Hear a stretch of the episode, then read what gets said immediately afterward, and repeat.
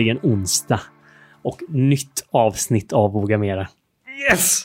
Jag är grymt taggad för dagens avsnitt. Här finns det lärdom. Ja, men idag får vi hänga med en eh, riktigt spännande person, Karl, som har gjort det som i alla fall jag många gånger har stått på marken och tittat upp i luften och önskat att jag hade vingar. Och precis, eller till och med suttit i planet och bara tänk om man kunde styra det här. Vart jag vill. Ja, det är en sån sjuk frihetssymbol det här med att vara pilot och, och kunna ta sig från A till B. Innan vi kommer in på, på dagens avsnitt så har det ju hänt en del coola grejer den här veckan. Vi har ju haft Våga Mera-kvällen. Alltså, vad ska man säga? Jag går fortfarande i, i, i ruset från den här kvällen. Ja, Jag får gåshud nu bara du, bara du nämner det. Tar med oss så mycket energi från den kvällen och förtjänar ju ett helt eget avsnitt i sig själv av eh, hur mycket grejer folk vill våga mer av. Ja, men naturen svarade upp med en magisk sommarnatt på Björke. Eh, god mat och i sann våganda så, eh, så jädra coola människor som var med oss. Så, så man är ju nästan talstum av så mycket inspiration som alla bär. Och det som du säger, det förtjänar ett eget avsnitt att faktiskt bara dyka vidare i Våga Mera kvällens eh, behind the scenes. Och vad vi tog med oss därifrån var hur kul det var för oss också. Och det gav energi och att det här är ju ett event av, av fler. Så vi får se när, när nästa kommer. Ja, men låt oss se. Och det är som sagt som alltid, jag menar det här är inte bara för mig och Benjamin att tänka, utan har ni roliga spännande idéer så droppa in dem i Facebookgruppen och så ska vi se till att eh, mer galna saker än vad vi kan komma på kommer Ja, ut genom de här Och så boostar vi kanalerna. varandra. En tydlighet genom hela Våga Med-kvällen, det var det här att steget till att man har hittat vad man vill göra, det är att man berättar det för andra. För då håller man varandra ansvariga för att faktiskt leverera det. Och det kommer vi, det temat kommer vi bygga vidare på. Vi håller det lite grann Ja, men man är aldrig ensam liksom. Med grymma människor runt omkring sig så är allting möjligt. Någonting jag måste säga också, vad duktiga lyssnare vi har. Vi, vi körde ju en, eh, en eh, liten tipsrunda där. Och vi hade sju frågor, varav den sjunde frågan var ju typ totalt omöjlig. Vi hade tre lag och alla tre lagen hade 100% rätt på de första Ja, sex men när vi gör frågorna. detta quizet så kommer du med Alltså det är för svåra frågor Mikael. Vi måste göra någon enkel fråga. Alltså man måste ju ha lyssnat på alla avsnitt och liksom hängt med varenda minut till exempel. Vad var Mikaels känsla då han lovat sig själv att sluta snosa på morgonen? Ja, jag svarade ju fel på den här Agge varför han hade en van. Jag var ju helt övertygad om att det var för att imponera på brudar. Så att alla lag skulle ha alla rätt det, och att utslagsfrågan skulle bli helt avgörande, Ja. det var ju... Eh, Och den, den var ju skitsvår. Hur många minuter Våga med på den finns publicerade? Det visste ju inte ens vi. Det var Excel som kom fram liksom. Det, ja, men det är väldigt bra att du är en god Excel-vän. Så att man kunde få även på decimal ifall alla skulle ha rätt. Men eh, är, är, det någonting som man ska vara noga med så är det decimalerna. Och man ska också vara väldigt noggrann med eh, decimaler när man flyger. Jag tycker det är dags att vi flyger iväg här med eh, vår gäst. Nu säger du? hoppar vi rätt in i veckans avsnitt. Det gör vi.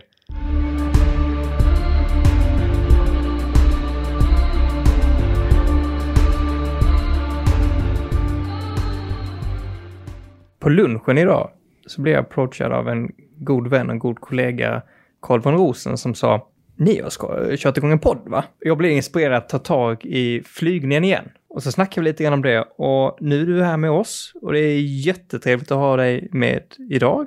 Välkommen! Tack så jättemycket. Kul att vara här. Väldigt roligt att ha dig här. Så för någon som aldrig hört talas om Carl von Rosen, vem är du? Vad har du för intresseområden? Jag skulle nog säga att jag just nu skulle presentera mig som eh, en människa som älskar att laga god mat och vara ute och antingen odla eller plocka den maten. Men eh, också att vara uppe i det blå och flyga. Det är verkligen fantastiskt. Det låter som en eh, perfekt kombination av liksom himlen och eh, marken. Plocka maten, flyga ovanför den. Ja, det är ju verkligen på. Jag har inte tänkt på det innan, men det, det är verkligen. Det går ju fint eh, hand i hand med det här quotet eh, Keep your head to the clouds and your feet on the ground. ja, Ja, men han känns ju sjukt grundad och ändå då så upp och flyger. Men Det är så coolt, du berättade lite här eh, innan vi satte igång mickarna om att du håller på med en app för att hitta svamp och det känns ju verkligen som att det inkapslar ditt intresse där med eh, att vara jordnära. Ja, men verkligen. Jag har tänkt länge på att man borde kunna möjliggöra för fler att upptäcka ja, men eh, det fina vi har i Sverige med allemansrätten och liksom kunna plocka av det som skogen ger. Och eh, ja, det är många som gömmer sina pärlor, men jag tänker ju fler som kan dela med sig, desto roligare. För det finns ju gott om svamp ute i skogarna, framförallt i år. Ja, det behövs nog, för jag kan tänka folk som inte kan lämna Sverige, de får hitta nya intresseområden den här sommaren. Jo, men det känns väl också fantastiskt att en regnig sommar kan bli någonting positivt. Ja, verkligen. Det är så här 0,4 procent av Sveriges befolkning som Yes! Yes! Det är svamp! Det är 300 kilo kantareller i år. ja, men precis. Vågar se möjligheterna. Det är en unik egenskap faktiskt. Och något som vi alltid försöker med Våga Mera är ju att sätta riktningen just på det. Eh, ganska ovanlig egenskap skulle jag säga. Men det känns som någonting som du besitter extraordinärt. Jag, jag gillar att se saker från um, de positiva sidorna. Jag tycker alltid det finns en positiv sida av de flesta mynt. Liksom. Det är synd att, att låta en regnig dag göra en ledsen. Liksom, när man tänker att ja, men i helgen, då finns det kantareller i skogen. Så om vi håller huvudet högt, det här med att flyga, jag tror att det är ett av de mest ultimata sättet att se frihet. Kunna ta sig precis var, liksom var som helst. Folk som tjänar in pengar kan tänka sig att ah, men med pengar kan jag flyga någonstans på semester eller liknande. Flyga var ju någonting som, som dog dig väldigt tidigt i livet. Ja, ja det, det är väldigt eh, spännande. Jag var 15 och satt på köksbordet, mamma lagade mat och man fick hem den här tjocka katalogen med vilken gymnasieskola man skulle kunna välja. Och då sa jag att jag, jag tänkte först att jag skulle bli kock, liksom. Det tyckte jag var spännande. Apropå det här matintresset, liksom. Och min mamma försökte få mig på äh, bättre tankar kan man väl säga. Liksom, Jaha, är du helt säker? Och så bläddrade jag vidare, vidare. Och så fanns det en liten, liten kort annons längst bak den här eh, för flygtekniker och liksom började meka med flygplan. Jag tänkte det lät ju ändå lite spännande, praktiskt. Jag var jävligt trött på att läsa saker. Men, men så stod det i den annonsen då, som var jättelite, stod det sista två meningarna. Vi har också flygförarutbildning. Då tänkte jag, flygförarutbildning, vad är det? Jag tänkte precis, vad fan är det? men jag vet inte, men det kittlar ändå lite i magen, bara den meningen liksom. Ja, men precis. Man bara flygför, gymnasiet, kan det verkligen stämma? Och så började jag googla då massor. Jag älskar att, googla väldigt intensivt när, när jag får en idé och börjar liksom gå igång. Och då, då visar det sig att, tror det eller ej, men Sverige hade då flyggymnasium så man kunde bli pilot under gymnasiet. Och det var ju för bra för att vara sant, så det var ju bara tvungen att testa liksom. Så det var så jag kom in på den här banan då. Um, så jag flyttade till Arvidsjaur, 16 år gammal, fick lära mig tvätta. Det, jag tror nog att halva grejen med flygutbildningen var egentligen inte själva flygen utan bara lära sig, du vet, vara själv och självständig och börja liksom utforska ja, men friheten i att kunna bestämma själv men också bli begränsad i sin, sin möjlighet. Liksom. Men, ja. Redan dag ett så flög du hemifrån kan man ju säga. ja, det gjorde jag verkligen. Men det är ju coolt, det är ju tidigt idag att sticka hemifrån ja. när man är 16 verkligen. bast. Det är ju, ja, många släpar sig kvar desto längre. Ja, även efter ja. 18. Men hur kändes det då, arbetsgärd och liksom en utbildning och hela, det måste varit en typ av dröm där kan jag tänka mig. Alltså det, det, det, det, är nästan galet hur man vågade släppa iväg 17-åringar helt själva. Det är bara, här är nyckeln till planet, du ska vara tillbaka om fyra timmar, gör vad du vill liksom. Men är det verkligen sant alltså? För nu blir jag, det här blir liksom, det blir lite, jag blir lite avundsjuk faktiskt. Vad fan gick vi tekniskt? jag fick inte ens köra brandbilen i lumpen vad jag ville liksom. men det är så här, men gött att ja, ta den här planet och dra iväg. Halva flygutbildningen är du helt själv i flygplanet under gymnasiet. 150 flygtimmar flyger du på flyggymnasiet där och eh, ungefär hälften flyger du helt själv. Ingen annan i planet. Och vad snackar vi för typ av plan då? då Airbus eller liksom? Nej, små propellerflygplan liksom, som heter Cessna 172 mm. då, om man ska vara väldigt specifik då. Men är det typ två pers som får plats i eh, den Fyra pers får plats i ett sånt plan. Okej, okay, så det är typ uh. du och så kan någon sitta bredvid dig och så två bakom eller? Ja, precis. Är det ett sånt plan man ser, typ så här X-game, folk som hoppar fallskärm eller ska göra wingsuit eller? Ja, ungefär sådana plan. De är lite, lite större. Ofta har de sex eller åtta säten, men så tar de bort sätena så får du plats med jättemånga fallskärmshoppare liksom. Okay. Men, men det var sådana flygplan man fick flyga efter gymnasiet då. Om, om man liksom skulle fortsätta på den banan, men, men man kunde ju då också såklart Eh, välja den kommersiella banan. Men, men bara för att vara kvar där i Arvidsjaur lite, just den här känslan, ni vet när man är 17 då, eller ja, och man har fått den här nyckeln och gör, gör vad du vill i fyra timmar. Men hur långt in i på utbildningen är vi här nu? Är det första dagen eller har vi liksom kört en Eh, termin? höstlovet eh, första året så fick jag flyga själv första gången. Så det är Höstlovet ja, första det, året? det är ju tre... eh, eh, Termin två? Första, det är faktiskt så att flyggymnasiet är de två sista åren av de totalt tre åren. Då. Så man går bara två år där uppe. Men då är det alltså höstlovet i tvåan. Så alltså du har börjat flyga flygplan med en instruktör inte ens tre månader innan. Alltså det är sjukt det här. Folk som har fyllt 18 får lov att köra upp och köra bil själv. Du får fan inte övningsköra själv. Men här släpper vi iväg liksom 16-17-åringar. Ut och Ja, men man älskar ju det lite också. Att, att eh, det finns den här, när allting är så jäkla reglerat och, och så va, så bara är du helt uppe. Du behöver ha en utbildning för att flyga drönare i både Kanada och USA idag. Men det är klart, vi är i Norrland nu också. Det kanske inte är så mycket trafik i luften. Ja, de har ju en utbildning i Västerås också. Okej. Så att det hände även här nere. Men ja, det var ju så här, de, här i södra Sverige så riskerar de ju att kanske då flyga in i andra medan vi riskerar att flyga in i Kebnekaise istället. Att det var ungefär... det var, Men hur, hur, många, hur mycket frihetsgrader är det? Du har tagit nycklarna här nu, du är på väg ut på Ja. startbanan. Och så får man ju då eh, ja, men en tidsbegränsning då. Så att av de här 80 timmarna eller 70 timmarna man flög själv då så kanske det var, låt säga, de flesta av de timmarna var ja, men en timme träna på landningar eller två timmar åk till en närliggande flygplats. Du fick åka till Luleå över dagen och tillbaka liksom. Men eh, några av de här tillfällena var verkligen så här, du ska flyga sex timmar idag och du har planet i åtta timmar. Åk vart du vill. Hur långt kommer du och tillbaka? Och då drar man ett rakt streck och inser att man kommer till Abisko. Wow. Och tillbaka. Kan du ta med oss lite, alltså den här 17-åringen som precis har Ah. fått de här nycklarna. Ser de ut som bilnycklar? Eller? Ja, ungefär. Det är liksom eh, en väldigt tanig nyckel liksom. Som eh, du säkert kan vrida sönder om det är minus 20 och inte passar liksom. Och den vrider om tändstiftet i motorn, snurrar den här propellen igång och då rasslar ju hela planet till av vibration liksom. Men ingen sån här känsla av shit, vad händer om motorn slutar funka? Kan man glida? Varje Mm. gång. Alltid. Alltså, det är ju den här skräckblandade förtjusningen att ha hjärtat i halsgropen att så här... ehm, om motorn stannar så är det bara jag som kommer lösa det här. Och det, och det är ju den, under flygutbildningen, de, jag tror han som var chefsflyglärare då, han sa det att så här, jag kan lära min gamla mormor flyga, det är inte det svåra. Det svåra är att få folk att flyga säkert och, och liksom inte få för stort självförtroende samtidigt som de inte slår ihjäl sig själva på vägen.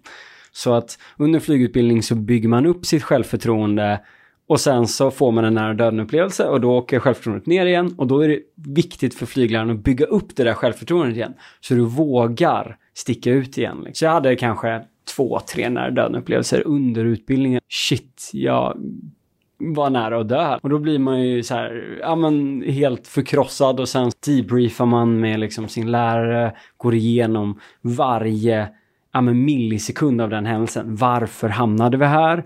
Och så lär man sig av varandra. Det är väldigt så, pilotcommunityt är generellt en väldigt blame-free culture. Att det liksom, det handlar inte om att du har gjort fel, utan det var en händelse och vi går igenom vilka moment som var fel.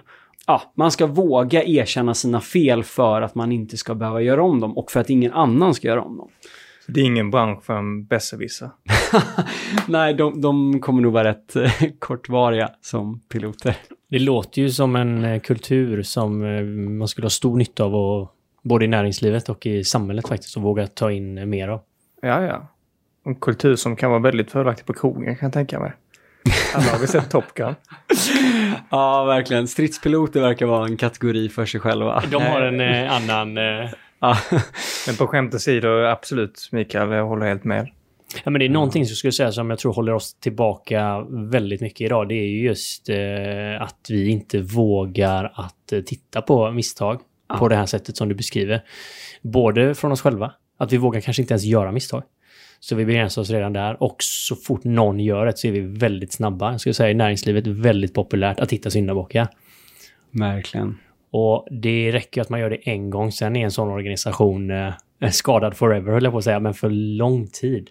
Istället för att man bara, okej, Vad var det i metodiken som gick fel här och vad kan vi lära oss av detta? Alltså det är så jäkla grymt alltså. Så eh, fortsätt att ta med dig det. Ja, men tack. Jag, jag brukar alltid dra den referensen att på flygutbildningen så fick vi läsa mängder av haverirapporter. Och så diskuterade vi i klassen. Vad var det som gick fel här? Var det liksom kaptenens ego? För jag menar, det är klart egon existerar i Ja, flygbranschen. vi, du vet ju om han italienaren skulle fick parkera den här stora... Costa Concordia. Ja, ja. Exakt, där pratar Ja, men vi. en snygg tjej i hytten, en, liksom, en hyfsad Cessna. Och så var han en av de första som lämnade båten också. Ja, man får inte skratta åt detta, men, men Ja. eh, det var inte många kaptensregler där heller som... Nej, eh, Och så tog han betalt för intervju. Ah.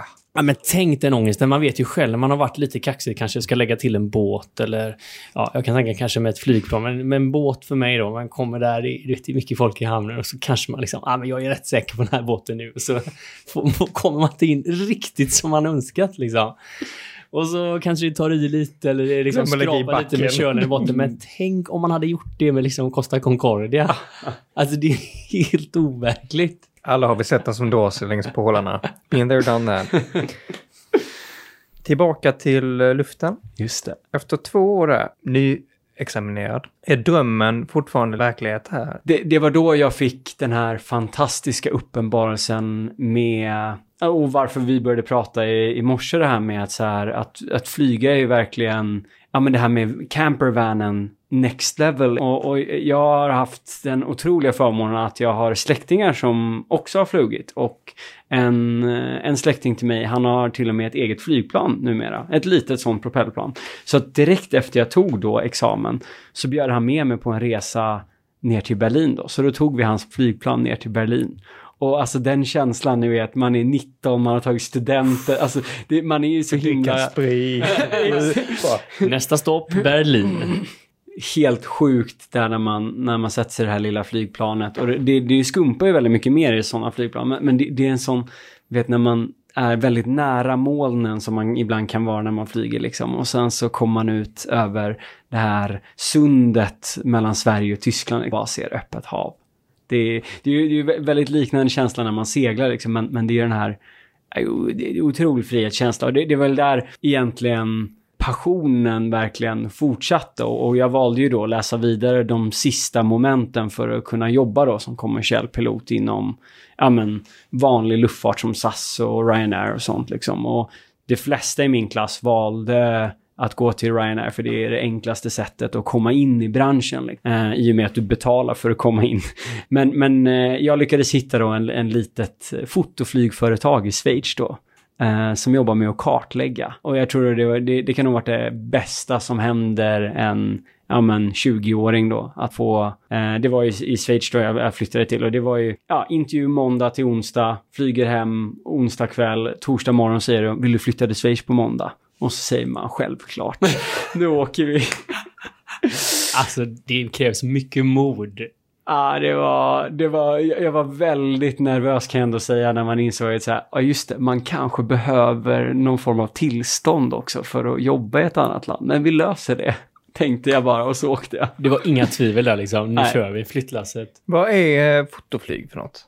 Ja, det är jättebra fråga. Det är när man tar upp sin mobil och så öppnar man en app och så trycker man på satellitbild.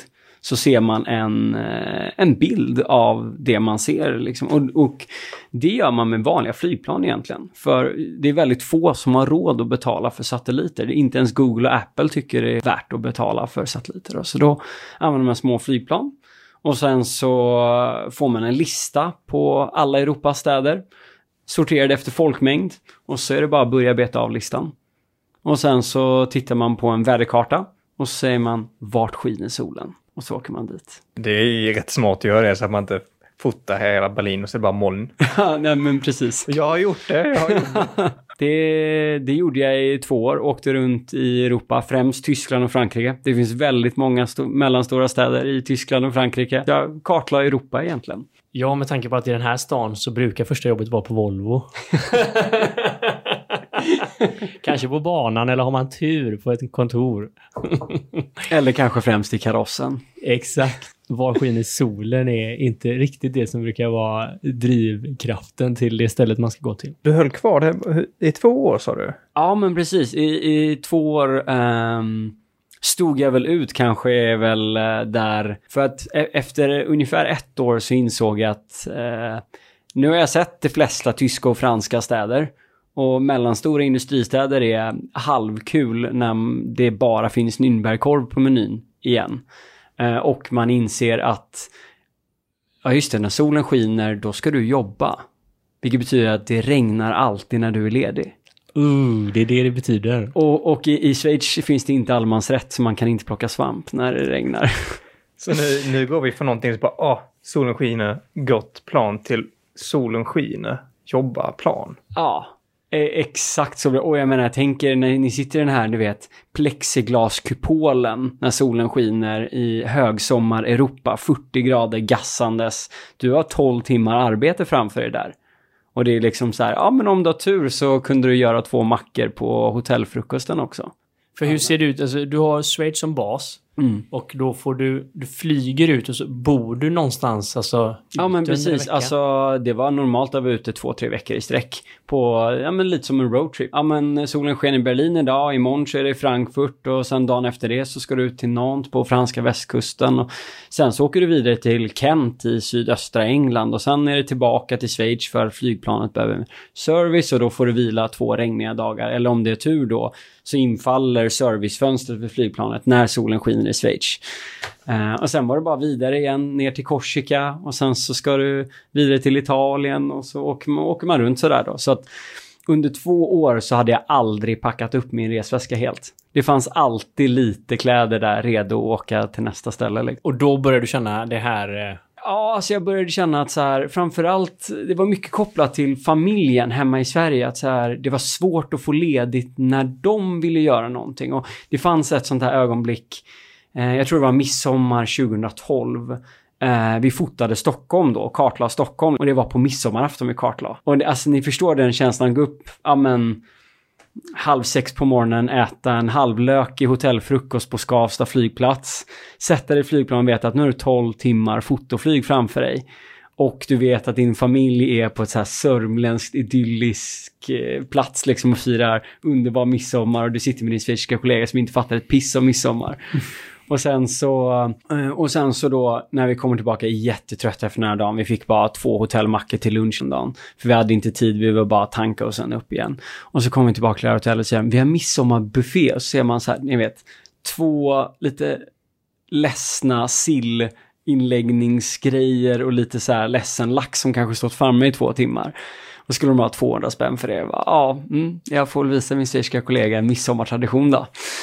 Um, och, och det var lite där jag insåg att så här, vill jag missa alla midsommar för resten av mitt liv? Eller hur funkar det där? Och så, ja men mina kollegor eller liksom mina gamla klasskompisar på SAS eller Ryanair, de, de hade väldigt liknande situation att det, det är svårt att få ledigt. Vissa har lyckats bättre än andra, men, men det är svårt att få ledigt. Och på SAS var det ju alltid ett saying, ja men antingen missar du jul eller midsommar. Du får välja vilken högtid du missar. Och det är så här, vill jag missa det? Och, och där och då börjar jag känna så här, ja men det kanske inte är supervärt det. Sen ett lager på det var ju också att jag faktiskt fick sparken i november varje år och hoppades på att bli återanställd i februari. För fotoflyg funkar inte på vintern. Ingen vill se satellitbilder på snö.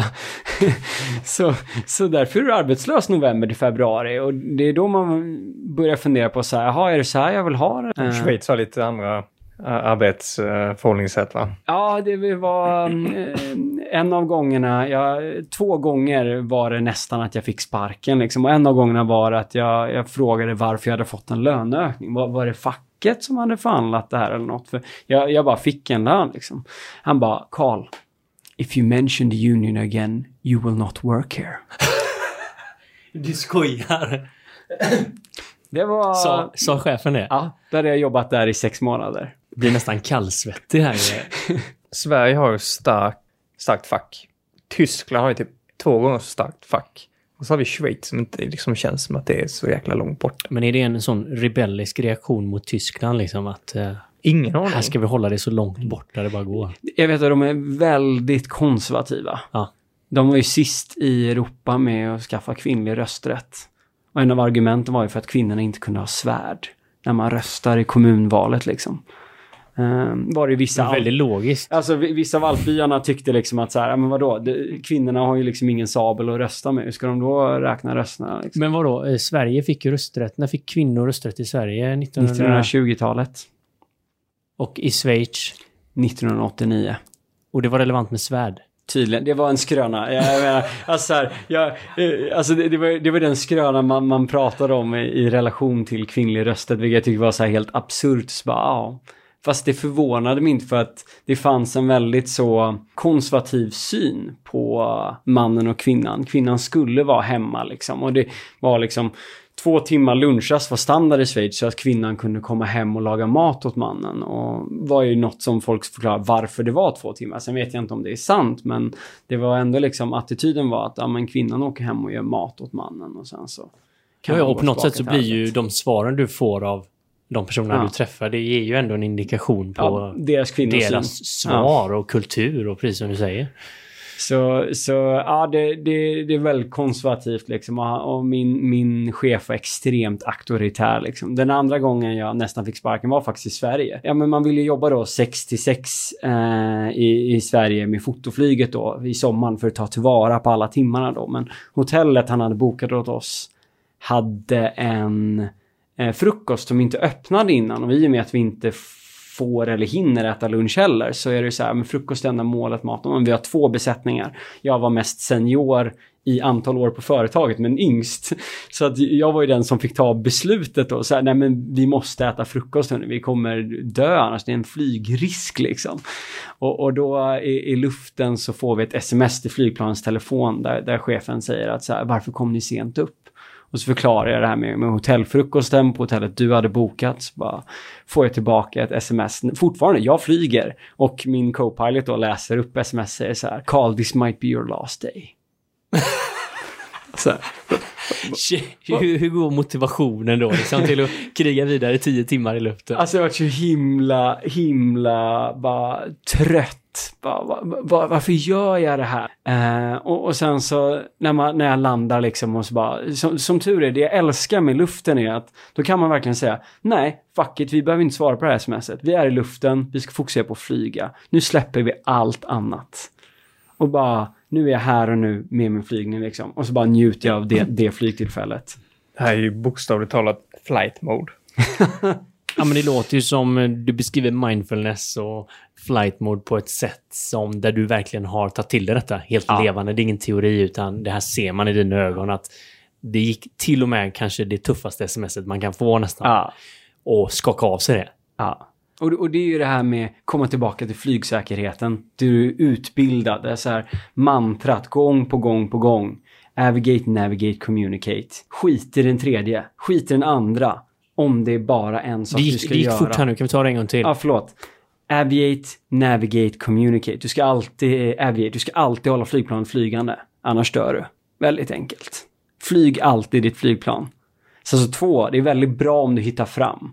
Det är väldigt, väldigt bra om du hittar fram. Det, det är väldigt viktigt att du inte tappar bort dig. Ha koll på vart du är. Och i tredje hand, berätta för andra vad du gör så att vi kan ha koll på varandra. Och det är därför, och det är den prioordningen. Så om du bara kan göra två saker, då släpper du kommunikationen. Då håller du ditt flygplan levande eller i luften och du ser till vart du är. Liksom. Så det är alltid den här prioordningen. Alltid. Ett först, två sen, tre Alltid. sist. Och det, det var lite där jag kom in i den här mindfulness. Bara, f- nu skiter jag i chefen. Så trean här nu då. Ja, nu, nu, nu fimpar vi den liksom. Nu, nu håller vi bara flygplan flygande och har koll på din uppgift här och nu. Och sen när jag landar, Eh, jag minns till och med det var på Västerås flygplats. Eh, för vi fick aldrig landa på de fina flygplatserna. Det var alltid de här bort, långt bort. Det, det var stökigt och så tänkte jag så här. Alltså förlåt men han måste vara lite dum om man ger mig sparken i mitt eget hemland med två av hans flygplan och kamerautrustningar som är liksom mer än tre gånger så dyrt som hans flygplan. Det, det här är orimligt liksom. Så jag bara, nej, det är han som får ringa mig. Jag ska inte ringa honom. Alltså det är sjukt modiga beslut du har tagit i så här ung ålder. Det, det är någonting jag måste säga, det känns ju som man pratar med en person som har levt mycket längre än vad du har gjort. Du pratar med någon som började flyga vid eh, 16-17. Ja, jag flög från BB liksom. Nej morsan, jag drar här nu. Ja, äh, det, man, man, man mognar väldigt fort som, och det var väl också en av fördelarna tyckte jag med det jobbet. För att mina kompisar, de vart ju bara inom citattecken styrmän på de här stora bolagen. Men jag vart ju kapten efter tre månader.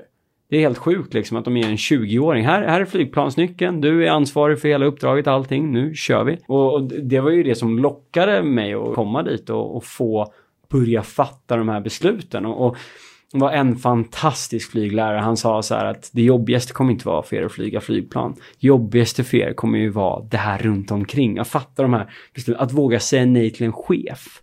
Att liksom stå upp mot dem. Och det, hans röst kommer alltid tillbaka i de situationerna när jag nästan fick sparken då. Eh, och det var flera andra tillfällen efter det ögonblicket då som, som vi hade våra duster. Men då var det så här då sa jag alltid till chefen bara, nej, jag bestämmer just nu. För att det är jag som har en annan kollegas liv att ta hand om. Nu, nu får du lägga ner och, och efter då den här gången i Västerås så respekterade han ändå det. Ja, till slut tröttnade man ju på en sån chef.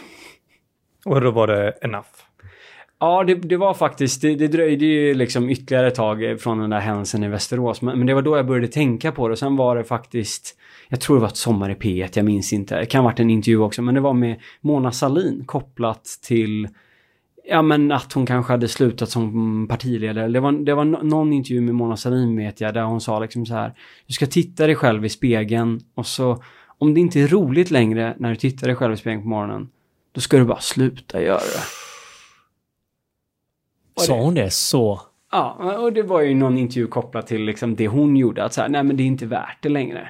Och det var, det var där och då jag kände att så här, när jag tittar mig själv i spegeln, ni vet man har en eh, pilotuniform brukar oftast vara snygga men jag menar när man sitter i den här kupolen, det är, du är dyblöt, man ser ringar under ögonen, man är 22 bast. Sommar, 45 grader, dyblöt i uniformen. Ja, i ett, i ett eh, halvmediokert hotellrum som ser exakt likadant ut som alla andra Best Western hotellrum i hela Europa. Oh, jag har spenderat min fair share av dagar på Best Western. Och det är då man tänker så här, varför gör jag det här längre? Då var det inte längre kul att flyga. Och det var då jag behövde pivot till något annat. Ett skede där du bara, nej. Ja. Så den här drömmen om flygningen och friheten och alltså som du verkligen har gått så långt nu plötsligt så är det dags och du, du kallar det, det alltså pivoa. Ja. Det är dags att göra en tvärvändning. Ja. Jag, jag kände det var, det var dags att göra något nytt bara komma bort. Det är det här som är så sjukt intressant. Symbolen, friheten, flygplanet. Att kunna bemästra det, att kunna ta sig vart man vill. Och sen så bara sätter man massa constraints, man sätter massa grejer runt omkring och boxar in det till en fyrkant. Och man sätter en chef som inte är så trevlig och ett företag som inte tar hand om en. Och så gör man den här boxen mindre och mindre och mindre. Och så någonting som är en frihet blir raka motsatsen. Man blir tvingad att jobba de här dagarna som alla andra ligger ner på stranden. Någonting som är symbol för frihet blev för dig någonting helt annat. Kan jag tänka mig. Ja, men det, det var också sådana här konstiga saker. Jag kände att så här, fan, om, om jag vill lära mig någonting på fritiden kan jag aldrig göra något tio tisdagar i rad. Jag kan aldrig garantera att jag är där. Jag kan aldrig lära mig något nytt utöver flygandet. Jag var fånge i mitt yrke kan man säga. Det var liksom svårt att bryta mig loss. Det var ju någon gång kollegorna hade turen att de var lediga och kunde göra den här 007, eh, eh, vad heter det, B bungee jump eh, nerför den här kända dammen i Schweiz. Eh, så stack de iväg och gjorde det och jag var tvungen att flyga. Det var så här, det var många aktiviteter och jag bodde i Schweiz i två år. Älskar att åka utförsskidor. Jag åkte skidor noll gånger. Inte en enda gång åkte jag utförsskidor i Schweiz. Men du, du säger lite, du är meckat av utförsåkning i ja. världen. Och du har noll skiddagar på två år. Man kan förstå, då var du liksom i fängelse på ett sätt. Absolut. Är... Annars hade du åkt skidor, eller hur? Absolut. det jag gillar, som jag tycker är jävligt coolt, är att uh, vid den här tiden så var du ganska ung. Och på något sätt så sa du enough is enough, nu räcker det. Jag tänker väldigt många hade nog bara kört vidare början på en karriär, börjat traggla lite grann. Man känner att äh, saker och ting kanske inte funkar exakt som jag har planerat, men vad fan, det blir väl bättre. Ja, vi kämpar på. Ja, ja. Det, sen eh, kanske jag äger företaget någon gång eller någon annan pitch in någon idé, men du sa bara nej. Ja, och jag menar, det är det jag tycker var så fint med det var, det var där och då jag blev så himla tacksam för den svenska välfärden. För att mina kollegor från Tyskland, från Frankrike, från Schweiz, de hade miljoner kronor i lån. Det är fruktansvärt dyrt med en flygutbildning. Jag hade noll kronor i lån. Det var ju en gymnasieutbildning. Den är gratis. Jag betalade 20 000 i certifikatkostnader.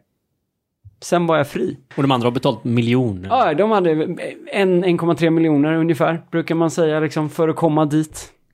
Tänk så sjukt att vara i den positionen. Man tror frihet, flygplan, hamnar i boxen, boxen blir mindre och blir mindre. Och sen kan man inte sluta för att man sitter på lån på 1,3 miljoner eller liknande. Jag tror det här är väldigt vanligt alltså för många som kan känna igen sig i, på sitt sätt hur man skapar, hur man tror att man skapar frihet men vi minskar våra frihetsgrader. Ja, ja, man, man gräver en grop istället för Ja, tvärtom. men vi gräver liksom. en grop, ja. Men man har ju den här bilden om piloten som det här frihetsyrket. Alltså, så en av mina kollegor, superbra exempel tycker jag på en, en typisk ny karriärpilot, som jag kallar det. Liksom. Han var 42, jobbade som eh, eh, logistikingenjör på ett cigarettföretag i Schweiz. Och jag menar, han hade tjänat så mycket pengar att han inte längre behövde bry sig. Men jag menar, och, och han kände sig instängd. Så då valde han ju break, break out liksom och eh, göra en flygutbildning och eh, bli pilot successivt. Och så började han jobba. Och jag menar, förstår då hur arg han är när han sitter som styrman, ja men 42 år gammal och jag är 21 och är kapten och ska liksom berätta för honom hur det går Man, till. den här jävla pojkynglingen ska inte säga till mig Och- och någonting. Jag, jag minns att han berättade liksom så här en av de här dagarna när vi hade riktigt tufft. Och bara så här, han bara, Karl, jag fick precis veta av en gammal kollega att han erbjuder mig att komma tillbaka för tusen frang om dagen. Då var det motsvarande 9000 kronor. Om dagen för att komma tillbaka. Det är väldigt lockande i vissa ögonblick. Men, men, och, men det var då han bara så här, fast det är så mycket sämre. För honom var det vi gjorde frihet. Och jag menar, han kanske hade en helt annan relation med vår chef, vad vet jag liksom. Men, men för honom var det frihet. Tänk dig då de som gör den investeringen i mycket yngre ålder, ungefär 25. Där kan du verkligen prata om den boxen som bara krymper. Men det är så intressant. Vi satt ju i samtal eh, för två avsnitt med eh, Robin Mos Andersson och han pratade om det. Men fan, nu livnär jag mig på Instagram och, och andra källor så här. Och ibland hade jag behövt ta ett jobb från 8 till 5.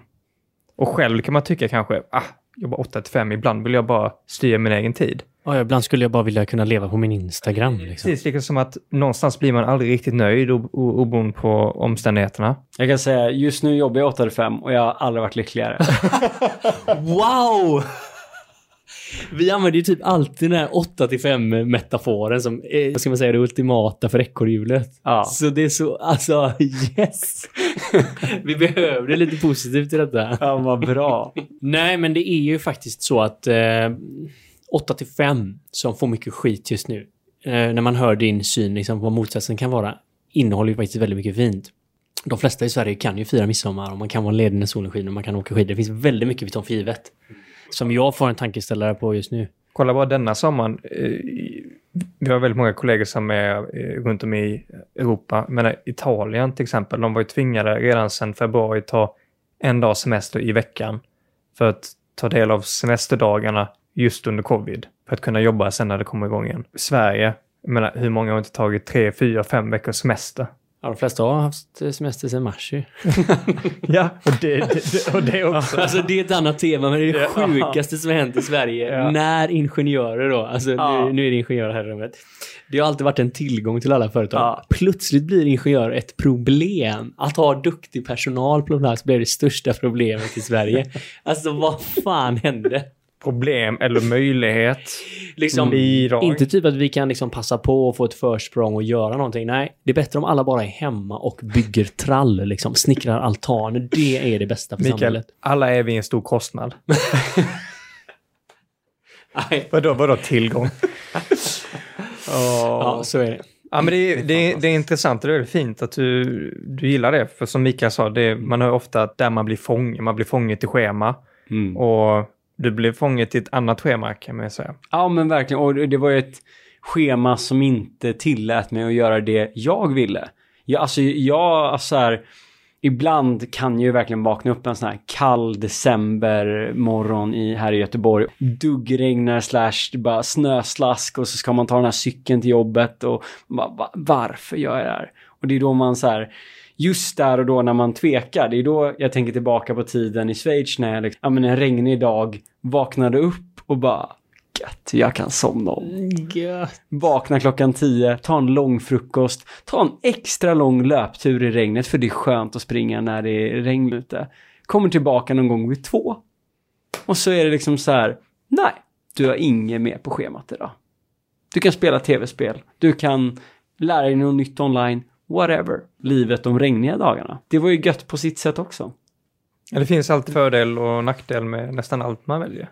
Ja, och det, och det känns som att du, du sätter ljuset här på någonting som är så himla intressant också. För att man måste komma ner på individnivå.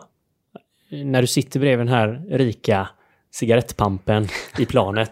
Och den ene då, om vi, om vi säger du sitter i fängelse och han sitter i sin ultimata frihet. Han tackar nej till ett erbjudande på 9000 spänn om dagen för att få sitta där. Precis som du säger Robin Moos, hur han kan bara vilja ha ett 9 till 5 jobb, så ser vi det är liksom inte jobbet i sig, utan det är på något sätt att vara ärlig mot sig själv.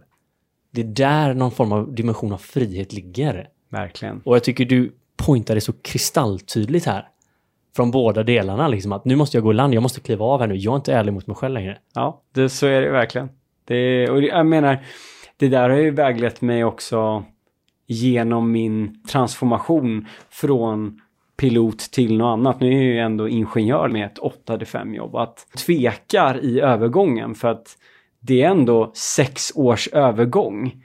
Det finns många tillfällen och kliva av det att avbryta och gå tillbaka till sitt gamla fängelse. Och jag menar, speciellt när man ser sina kompisar göra framsteg och trivs och utvecklas. Alltså, de här Instagram-bilderna från mina kompisar som hamnade på en Ryanair-bas i Alicante. De har rätt gött just nu på sin takterrass. Det är mycket sol och gött i den takterrassen. Och då när det spöregnar och jag måste lära mig matte på Chalmers, det är... Så att du och tentapluggade i maskingränden på Chalmers. Exakt, och menar, ni förstår den ångesten också när man kuggar tentan också. Bara, fan, jag kanske inte ens passar som ingenjör. Va- varför gör jag det här? Då tvekar man verkligen. Men det är då man måste komma tillbaka till den här spegeln som Mona Sahlin pratade om och säga varför är det inte roligt längre? Så den här spegeln, kan vi kalla den autentiska jag-spegeln? Ja, men det kan man säga. Eller liksom glädjespegeln, fast Ja. man får inte ljuga för sig själv. Ja, så är det. Så när man tittar den här då, är det här kul? Eller inte kul? Ja, och, och eh, så här, det behöver inte bara vara kul och roligt, det är så här, men, men hittar du glädje Mm. i det du gör just nu? Den riktningen du är på väg i, är det dit du vill? Varför? Prata om att så här, ja men du ville väl bli ingenjör? Så bara, ja, ja, det är väl okej att vara ingenjör. Men framförallt vill jag testa på att flyga luftballong, lära mig segla, börja dyka. För det kan man göra på Chalmers. Det är saker jag aldrig hade tid för när jag var pilot i Schweiz. Alltså, man önskar ju att man klev in på Chalmers med de här insikterna som Karl hade. Alltså, det... De där grejerna kom jag på när jag gick ut Chalmers. Och då var det inte läge att ta sabbatsåret. Då är, Nej, då var man man ju tvungen att visa framfötterna i, industrin. Men det som, är, det som är så fint här, för vi, vi pratade lite grann i morse här Karl, Mm. och du kom ju, kom ju till mig och började prata om podden. Och då kom du med en liten insikt också. Ja, verkligen. Och alltså det var ju kopplat till det här, var det tredje avsnittet med han med vanen? Karl Agge, ja. Karl Agge och... Med vanlife och friheten på fyra hjul, ja. Och det, det är så fantastiskt. Jag hade en kompis som hade gjort en liknande grej, byggt en van och hälsade på oss på semestern i somras. Så det var då jag kände också att så här, shit, alltså jag, jag flyger ju fortfarande idag som hobbypilot liksom. Men, men jag flyger på en väldigt lågintensiv nivå, det vill säga jag bibehåller mitt certifikat. Och jag vet ju att de gånger jag tar mig upp är ju helt magiskt. Alltså, ni, ni kanske inte har upplevt det, men, men eh, för er som upplevt det så förstår man det här när man bara sticker ut i Säve, hoppar in i ett litet propellerplan och så gör man en solnedgångsflygning över Björkö skärgård. Det, och det bara glimrar och man ser ända bort till Fredrikshamn, där i Danmark. Men jag behöver inte åka dit idag. Jag kan ta det imorgon om jag vill. Och så bara svänger man tillbaka och så har man fått den här mikrodosen av kicken. Alltså det, det är ju sån adrenalinkick att flyga. För mig räcker det med en kort tur över Göteborg för att få det. Men jag kommer ju tillbaka till den där, ni vet, studenten, min släkting tog med mig på en flygtur till Berlin. Och jag har tänkt så här, när jag väl är ingenjör, när jag har den ekonomiska friheten att bara ta planet vart jag vill. För nu kan jag hyra plan över en vecka. Nu har jag den ekonomiska friheten och bara säga till sambon, du, ska vi inte åka till Berlin en vecka? Och så bara tar man planet och drar. Alltså, det är, Alltså, är, är det så enkelt? Jag som inte har koll på någonting, kan man bara ringa någon och bara känna du kan jag köra till och sen så sätter man sig på? Du behöver inte ens ringa. Du öppnar mobilen, appen, säger jag vill boka planet och sen så åker du ut till Säve. Fan vad sjukt, det är typ som att Uber fast plan fast man kör själv. Det låter typ enklare än att boka Uber nu för tiden. det är ju typ det. Men- har, har du en utmaning här mot dig själv att flyga med nu eller vad var det du Absolut, jag, jag har haft en, en restriktion på mig på grund av en, en tidigare sjukdomsproblem i, i vintras och så får man kämpa mot byråkratin lite. Men 17 augusti så ska de ha ett möte och säga att det är inga problem. Och då är det ju bara att hoppa in i planet och köra. Jag vet, men vi, vi kanske får hänga med ut och se någon gång när det lyfter. Absolut. Ta med några kameror. Jag vet inte, vi kanske kan sända live, Benjamin. Det, vi, vi gillar Det, det. det Mikael försiktigt försöker fråga här är, har du plats för två till? Vi hade fanns plats för men, jag fyra. tänker ännu bättre, vi borde ju sända live från planet. Jag är på. Jag hör ribban nu, den flög liksom från golvet här nu, rätt upp i himlen. Ja, men vi, vi stretchade ju med midsommar-livestreamen, så jag känner vi har ju gjort preppen nu för att åtminstone kunna få en livestream från luften väl. Folk hör bara... Bara,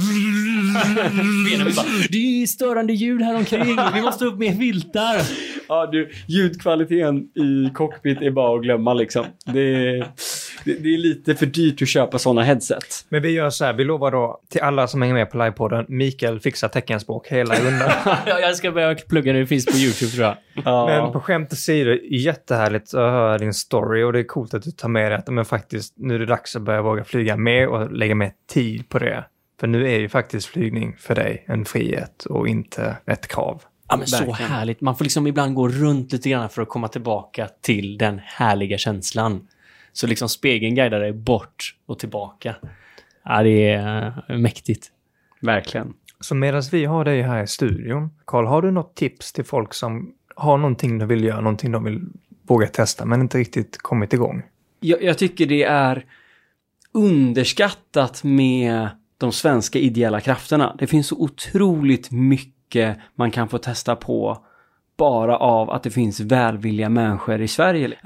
Det har vi inte ens pratat om, men jag menar, jag testade faktiskt att flyga småflygplan innan jag började gymnasiet genom ett läger som var helt gratis för ungdomar.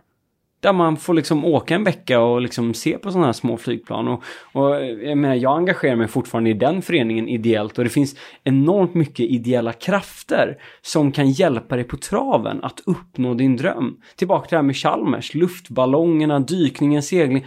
Det är ju ideella människor som vill visa sin passion. Och, och jag menar, i, ibland så kan det kännas jävligt jobbigt dra igång och sånt och börja prata med människor. Men ofta vill ju folk visa upp sånt av välvilja. Så att om man vill testa någonting och, och känner att så här, jag vet inte riktigt vart jag ska börja, så finns det ofta en klubb någonstans i närheten av där du bor.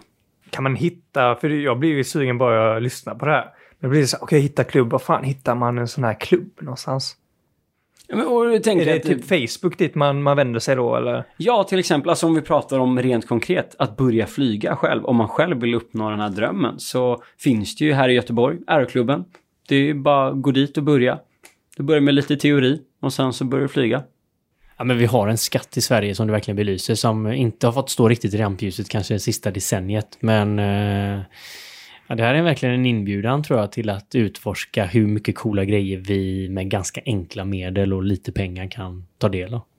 Verkligen. Och att eh, tröskeln till att kanske kunna testa något nytt inte är så stor som folk kanske tror. Nej, den är nog störst på insidan. Liksom, att man måste ju våga stå där och säga hej, här är jag. Jag vet ingenting om flygning, men jag är jättenyfiken. Har du någonting du vill pitcha, någonting ehm, som du brinner för, som du vill, vill dela? Det vore ju kul att eh, prata. Vi började avsnittet eller den, den här sessionen med att prata om att jag gillar mat också. Jag vill ju trots allt bli kock. Men det var någon annan som tyckte något annat. På den vägen med vi. Och jag, jag, det här med allemansrätten och sånt och, och svampar och jag, jag, har börjat liksom jobba på en app där jag hoppas snart kunna dela med mig mer av att låta andra få upptäcka den här fina skatten av matsvampar vi har i, i våra skogar.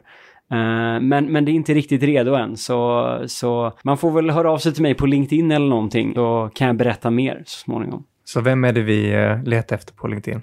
Karl von Rosen Johansson. Och dit hör man av sig om man vill ha den beta-versionen av eh, Svamphittar-app 2.0, eller vad, vad, kallar vi det? Ja, vi, vi får se. Arbetsnamnet eh, är väl något i stil med tryffelsvin, att man själv är sitt eget tryffelsvin. Liksom. Men, men det, det, det är kanske inte jättebra namn för det är svårt att hitta tryffel i Sverige. Så vi, vi får nog jobba på ett bättre namn. Mushroom Finder kan ju också ja. ge andra associationer. Ja, då kanske polisen kommer. Ja, ja. Då kommer Agge liksom, att det verkar mystiskt. Ja, men det är, det är ändå coolt, en, en app som mm. via en karta pinpointar de hetaste ställena. Och, men och, jag menar, vi har ju ascoola människor som följer Våga Mera och jag vet att massa älskar mat och svamp. Så om det är okej okay med dig så fort det finns en betaversion så delar vi gärna den. Och... Kul, absolut. Så för alla som vill nog hitta den så håll uppdaterade på Våga Meras Facebook så kommer allting där. Där kommer allting. Jajamän.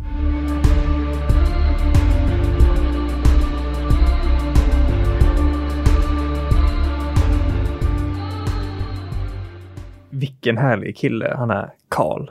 Ja, men eh, alltså vilken energi och vilken äventyrslyster. Hela hans ögon gnistrar alltså. Och jag har lärt mig någonting idag som jag inte trodde var möjligt. Att även som pilot kan man känna sig eh, fångad. Det trodde inte jag. För mig var liksom pilotyrket det här frihetssymbolen. Men det ultimata friheten på något sätt. Och vi har hört nu både från Robin och från Karl här att eh, det är inte alltid yrket i sig som löser allting. Och du var inne lite grann på det här Mikael vid tidigare avsnitt att eh, oftast är det någon mental blocker. Eller att man söker någonting som man inte redan har. Och det börjar bli tydligt här, i alla fall med, med de som har varit här vid podden hittills, att det kanske inte alltid är, är så, eh, så klart vad frihet faktiskt innebär. Jag tror desto mer man utforskar frihet, desto mer frågor får man på vad frihet är. Kan det inte bli färre frågor? Och fler svar? Och det är lite det som är det magiska också i utforskandet. Att en del av frihetsresan är just utforskandet. De här båda herrarna om vi, som vi nämnde nu, både med Karl och med Robin, men om vi tar Karl och sin resa till friheten, friheten bredvid fängelse, bort från det och sen komma tillbaka.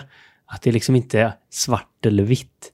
Men han var tvungen att vara helt ärlig mot sig själv och följa den här inre kompassen. Ja, och någonting som är så simpelt som att vara fri som en fågel. Fågeln hamnar i en fågelbu och 8 till 5 blir liksom friheten. Jag har fortfarande svårt ja, att liksom... Ingen fågel vill ha ett schema liksom. Ja, wrap my head around that. Ja men eh, sjukt kul och sjukt kul att faktiskt få prata med någon som, som har flugit på det sättet Karl har gjort. För det är nog väldigt få personer på hela världen som har flugit flygplan och, och kartlagt liksom kartor. Ja, och någon som pratar om flygplan som att eh, det är typ bilar på en parkeringsplats. Ja, ja nej men eh, han visar ju det här lite offline bara. Jag har en app där jag går in och så väljer jag en, en plan och sen så betalar jag för motortimmar och bränsle liksom. Så uppe några timmar och så kan jag ta den hit och dit och liksom för mig är flygning någonting som är associerat med mycket risk och mycket procedures och procedurer och det ena och det andra, och scheman och vind och färger och... Och, och det är det också, som han sa, men när du väl har tagit dig förbi det så finns det en enkel leverantör också. Och jag tror att det är det vi avskräcker oss för många gånger. Ja, man tror att det är för komplicerat. Ja. Man bör liksom inte beta av om det nu är en stor dröm man har eller stor grej man vill förverkliga, att det blir för svårt. När det kanske egentligen inte är så svårt. Det är bara att man ska göra det i en logisk ordning. Börja liksom, steg ett. Och så är bollen många gånger i rullning. Och det jag gillar var också det han, Karl, eh, gav som tips i slutet på intervjun att det finns hjälp att ta. Att det finns så grymt många ideella föreningar inom flyget till exempel. Där folk bara brinner verkligen för att lära andra och visa ens passion för någonting. Och det är ju grymt underskattat. Jag tyckte verkligen han belyste någonting för oss alla där, att vi vet ju nästan det finns en förening inom alla intressen. Så vad är det som hindrar oss till att gå till drejföreningen eller målarföreningen? Du har ju så eller? sjukt rätt i det du säger. Jag var ju med eh, och är fortfarande med. Och för er som gillar stark mat så finns det ju Chiliklubben på Facebook. Så det finns ju en klubb och det finns en verksamhet precis för alla. Chiliklubben, alla kommer liksom vilja hjälpa dig om du har problem att hitta vilket, vilken chilifrukt som passar dig. Och sen finns det ju de som är kanske eh, lite annorlunda som Dyk Polar i Luleå, en, en sjukt trevlig dykarklubb. Jag har själv det här inom mig att man inte riktigt söker på det här, men varje gång jag har gjort det så har det varit så sjukt positivt. Och jag, liksom, jag har faktiskt satt mig lite från att hitta en dykarförening i eh, Göteborg, men det är någonting som ligger och gnager. Någonting Ja, som men jag... oftast gör det ju det. Man, man kommer inte till skott, men du såg, vi var ju på midsommar, var med IFK Björke. Alltså det är så jädra roligt. Så Det är ju jag är så så, värt det. tacksam att vi belyser föreningslivet i Sverige, för det ger ju oss möjligheten att lära oss så sjukt mycket nya saker, ha så sjukt roligt och bygga grymma, fina communities. Och det tror jag är någonting som det här samhället behöver så mycket mer för att vi ska ha en jäkligt mycket roligare och trevligare och spännande upplevelse. magiskt i det här när man tar bort betalningen och det bara är en brinnande passion och Ja, passion att dela någonting Glädje, med en passion, annan. intresse. Du träffar en sån människa, du ser ju, gnistrar i ögonen, går in på en arbetsplats där alla får svinmycket pröjs. Dödens väntrum är roligare liksom. Ja, och som, eh, som Karls eh, kollega här som satt i samma plan som lämnade eh, 9000 kronor om dagen för att sitta i, i den här Ja, lilla men den historien minikabinen. är ja, så jävla epic liksom. Karl satt fånge och han satt fri som en fågel. Det är också den kontrasten, det här mentala spelet vi var inne på. Ja, sjukt, sjukt coolt eh, samtal idag och jag tog med mig hur mycket som helst härifrån och jag, jag hoppas ni där hemma också gjorde det. Var det någonting speciellt du tog med dig härifrån? Jag tror, jag tror att vi har belyst det och det finns väldigt många godbitar, men någonting som jag tycker Karl verkligen satte ordet på, det är Mona Salins spegel. Eh, spegeln när man tittar på sig själv ärligt. Och man kan titta på sig själv och se, finns den där gnistan som i början fanns där när jag gjorde detta? Finns den kvar? Och om inte, så är det okej att ändra. Våga Mera är ju långt mycket större än mig och Benjamin. Det är ju alla ni som är med där ute som är modiga varje dag i vardagen och som inspirerar varandra till att våga mera. Så hjälp oss att boosta det här ännu mer, den här Våga Mera-effekten genom att in och likea och följa oss på Våga Meras Facebook-sida.